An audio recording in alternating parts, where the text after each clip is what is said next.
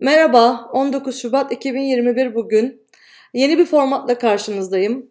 Dün birdenbire içimden geldi ve yazı yazmaya geri dönmeye karar verdim. Çünkü video yapmaktan çok daha fazla sevdiğimi fark ettim yazı yazmayı. Ve o nedenle kendime bir patron hesabı açtım. Patron hesabı açmamın sebebi de oradan gelecek desteğe karşı mahcup olmamak için kendimi motive etmek, buna zorlamak. O yüzden bugün yazdığım Nerede Kalmıştık başlıklı yazının sesli halini sizinle burada paylaşmak istiyorum şimdi. Türkiye'de ve yazılı medyada son köşe yazımı 4 Mart 2016 tarihinde yazmıştım sanırım. Yani gazetemizin baskına uğradığı ve eski hayatımın bittiği gün. Henüz sadece başka, başkan adayı olan Trump için Ali Ağaoğlu ve Melih Gökçek karışımı bir yazdığımı hatırlıyorum. O zamanlar Trump'ın seçilmesi imkansız görünüyordu. Başka pek çok şey gibi. Dünya başına geleceklerden habersizdi. Tabii benim gibi milyonlarca insanda. En korkunç kabuslarımızdan bile kötü günler yaşayacağımızı bilmiyorduk. O gün sorsalar en kötü günüm belki 4 Mart derdim. Keşke o kadarıyla kalabilseydi ama karşımızdakilerin insanlıktan ne kadar çıkabileceklerine dair bir fikrimiz yoktu. Geçen neredeyse 5 seneyi tek bir yazıya sığdırmanın imkanı yok elbette. Yaşanan acılar ancak ciltler dolusu kitaba, Nazi dönemini anlatan türde filmlere, belgesellere aktarılabilir. Aktarılmalı da. Gerçi aktarılsa da iş işten geçmiş, masum milyonlarca insanın hayatı telafi edilemeyecek derecede mahvolmuş olacak. Türkiye bugün 1980 darbesindeki acıları anlatan 7. Koğuş'taki mucize gibi filme, filmlere nasıl ağlıyorsa şu anda gözlerinin önünde yaşandığı halde sessiz kaldığı dramları da öyle alacak. Ama nafile. Sonuçta 2016'dan bu yana gözaltına alınmaktan korktuğu için evde doğum yapmış bir kadının, bebeğin bebeğini soğuk soğuk kalabalık ve rutubetli bir hapishane koğuşunda büyütmek zorunda kalmış bir annenin, evladı devlet tarafından güpe gündüz kaçırılmış ve işkence edilmiş bir babanın, keyfi biçimde üniversitesi kapatılmış ve hayalleri yıkılmış bir gencin ve burada saymakla bitmeyecek mağdurların kayıplarını kim telafi edebilir? Yine de Nazi kamplarından sağ kurtulmayı başarmış psikiyatr Viktor Frankl'ın yazdığı gibi hayatın her şeye rağmen bir anlamı, anlamı olduğuna, hatta yaşanan acıların da o anlamın bir parçası olduğuna inanmaktan ve acıları kabullenmekten başka çaremiz yok. Kabullenme derken hak aramaktan vazgeçmekten bahsetmiyorum elbette. Tam aksine Türkiye ve dünyada ne kadar merci varsa sonuna kadar gidip tüm hukuksuzlukları kayda geçirmek, korkmamak, konuşmak, zalimlere yaptıklarının bir de yanlarına kar kalmasını hediye etmemek gerektiğini düşünüyorum. Kabullenmek içsel bir süreç. Bunca kayıp sonrası yaşadığımız sözünden biraz kurtulup ileriye bakabilmenin de tek yolu.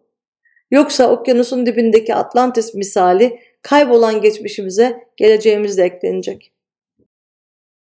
Yaşanan ve yaşanmakta olan bunca derin acının yanında benim yaşadıklarım küçük kaldığı için bunlardan bahsetmeyi aslında ayıp sayıyorum. İçimde kopan fırtınalar kısmen günlüklerimdeki notlarımda. Bazıları da bana bu süreçte çok yardımcı olan psikiyatr arkadaşımla aramda.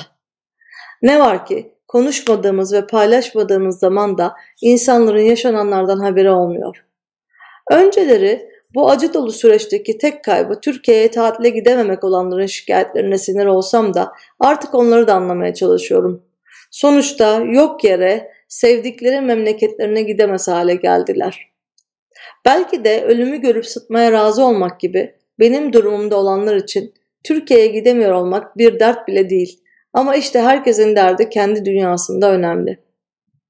Yine de kadın, çoluk çocuk, yaşlı, hasta bunca masum tutsak varken işini, insan işini, kariyerini, maddi birikimlerini, arkadaş çevresini, memleketini, pasaportunu ve hatta şahsi tarihini sıfırlamış olmayı o kadar da dert edemiyor. Ya da ediyor da antidepresan, terapi ve zaman üçlüsü sayesinde aşmayı kısmen başarıyor. Hayatımın hiçbir döneminde en temel ihtiyaçlarımı karşılıyor olmaya olmaya bile böylesine şükür dolu olmamıştım. Özgürlüğün ve sağlığın, travma sonrası stres bozukluğu nedeniyle yıllardır peşimi bırakmayan kabuslara rağmen huzurlu bir uykunun, eskiden olsa sıradan diye çok da beğenmeyeceğim bir işin kıymetini çok daha iyi idrak ediyorum. Tabi zaman zaman kariyerleri kesintiye uğramamışlara gıpta etmediğim anlamına gelmiyor bu. Ama bu duyguya esir olmuyorum. Hatta tüm nimetlerin keyfini daha çok çıkarabiliyorum. Tabii ne kadar keyif varsa yani orada demek istediğimi anladınız sanırım. Acaba Erdoğan ve Ergenekon ortaklığına benim şahsi olgunluğuma ulaşma, ulaşmalarındaki katkıları nedeniyle teşekkür mü etmeliyim? Bu korkunç şer cephesine teşekkür, işin şakası olsa da tüm kaybettiklerim Türkiye'ye, toplumun özellikle aydınları başta olmak üzere her kesimine ve 15 Temmuz sonrası ortaya çıkanlarla kısmen cemaate karşı duyduğum hayal kırıklıkları, gözyaşlarıyla geçen Brüksel günleri ve geleceğe dair umudumun neredeyse tamamen kesilmesinin yanında mucizevi güzellikler de oldu. Pek çok kişinin Türkiye'de evli mutlu çocuklu giden hayatı 2016 sonrası enkaz altında kaldı. Bense 6 Mart 2016'da iki bavulla tek başıma bir bilinmeze doğru yola çıkarken artık normal bir hayatım olma şansının hiç kalmadığına ikna olmuştum. 2007 yılında Amerika'dan Türkiye'ye dönme sebebim temel olarak zaten yalnızlıktı. Doktor öğrencisi olarak yaşamanın dayanılmaz ağırlığı ve yalnızlığıydı. Ama kaderin bana çok büyük bir haksızlığı sonucu çok daha ileri bir yaşta yine bekar ve yalnız olarak ve hem de kendi iradem dışında yine yurt dışında bulmuştum kendimi. Halbuki aynı anda Kabataş'tan Bilkent'ten mezun olan arkadaşlarımın yurt dışına gidenlerinin de Türkiye'de kalanların da düzenleri oturmuştu. Kaderin bu kadar ağır bir imtihanla beni bu kez sürgüne göndermesinde bir yanlışlık olmalıydı. Uzun süre bu öfkeyi yenmek için uğraştım. Kim bilir eğer karşıma umudumu hepten kestiğim bir dönemde eşim çıkmasa, aşık olmasam ve şimdilerde beni hayata bağlayan dünya tatlısı bir kızım olmasa, kadere hala benzer bir küskünlük içinde olabilirdim. Belki Türkiye'deki düzen tepe taklak olmasa ve çok sevdiğim gazeteciliğe devam edebilseydim, kendi çekirdek, çekirdek ailem olmayacaktı. Diyorum ya, zalimlere belki de teşekkür etmem gerek.''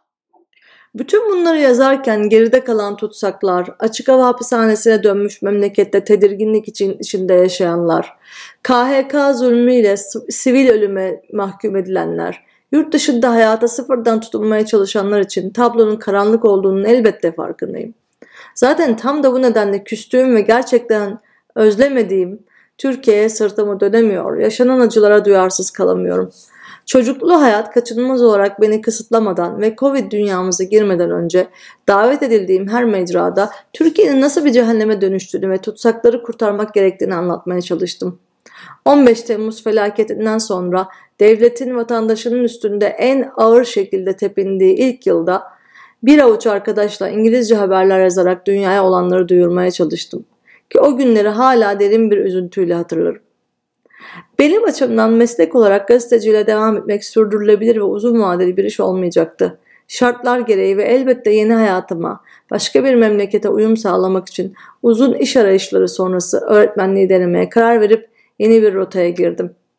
Ama bir kere gazeteci olunca insan yazmaktan vazgeçemiyor. Eskiden beri yazıyordum gerçi. Ama şimdi daha geniş bir kitleme, kitleye hitap etme şansım var.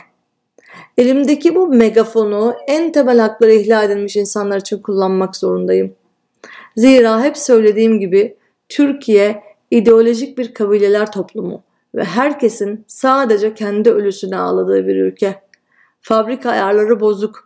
O ülkenin normal bir yer olacağına dair umudum olmasa da en azından hukukun bu kadar açıkça ırzına geçilmediği bir yer olması için mücadelem sürecek. 2016 sonrası şiddetlenen baskıya biraz daha önce maruz kalan ve ateşi önceden hisseden biri olarak 2013 ortalarından itibaren Türkiye'de artan otoriterliğe dair haberler, Today zamanda blog yazıları kaleme aldığımı hatırlıyorum. Şimdiden geriye baktığımda eleştirel tavrımın yetersiz olduğunu da görüyorum. Bunları uzun uzun sizlerle tartışabiliriz. Ama önceliğim masum insanların durumları. Today zamanda çalışırken Avrupa'da gittiğim panellerden birinde Türkiye gazeteciler için bir cehennem demiş ve böyle bir köşe yazısı da yazmıştım İngilizce. Şimdi tek bir adama biat etmeyen herkes için öyle. Yani bir cehennem. Ama en karanlık tahminlerde bile herhalde kimse zulmün bebeklere kadar varacağını tahmin etmemişti. Hem zaman hem Today zamanda köşe yazılarımda 10 Ağustos 2014 seçimleri için köprüden önce son çıkış yazdığımı Türkiye'deki rejime keyfokrasi adı, adını verdiğimi ve tek bir insanın 80 milyonu esir aldığından bahsettiğimi hatırlıyorum. Şimdi bunlara itiraz eden yok. Ama o zaman sadece bir güç mücadelesinin bir parçası olarak sipariş üzerine yazdığımızı zanneden çoktu. Şimdi de geçmişten bu yana ne yazdığımı bilmeden sonuçlara varanlar, kolektif bir aidiyetle hükme varanlar çok. Onlara ne desem değişmeyeceğini biliyorum. Önemli olan dinlemeye açık bir kitle varsa onlara ulaşmak. Türkiye benim için 6 Mart 2016 günü Brüksel uçağına bindiğimde bitmişti.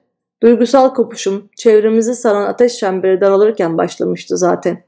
Gazetemizi baskına gelen ak troller bizi yaksa kimsenin onunda olmaz. Hatta o olsun diyen çıkar da çıkar diye düşündüğüm zamanlar olmuştu. 2013 sonraki süreç sonrasındaki süreçte. Belki de ateşin daha önce bize erişmesi Türkiye'den çıkma kararımı kolaylaştırdı. Türkiye'de benim için gelecek kalmadığını 4 Mart 2016'da iyice görmüştüm. Şimdi baktığımda yurt dışına çıkmanın hayatımda verdiğim en doğru karar olduğunu görüyorum, anlıyorum. Ben enkazdan kurtuldum ama sevdiğim, tanıdığım ve tanımadığım çok insan hala o enkaz altında can çekişiyor. Tam da bu nedenle bir süre Türkçe yazmaktan tamamen vazgeçsem de geri döndüm işte. Tüm bu yaşadıklarım hayatımın bir parçası ve bu acıları yok sayamam. Hiçbir şey kaldığımız yerden devam etmeyecek. Zira ne Türkiye ne de biz aynı değiliz. Ama o tımarhanede mahsur kalanlar için ve biraz da kendi kendimizi terapi adına kaldığımız yerden devam etmekten başka çaremiz de yok. Dinlediğiniz için teşekkür ediyorum. Kanala abone olur. Daha önceki videoları da izler ve beğenirseniz memnun olurum. Görüşmek üzere.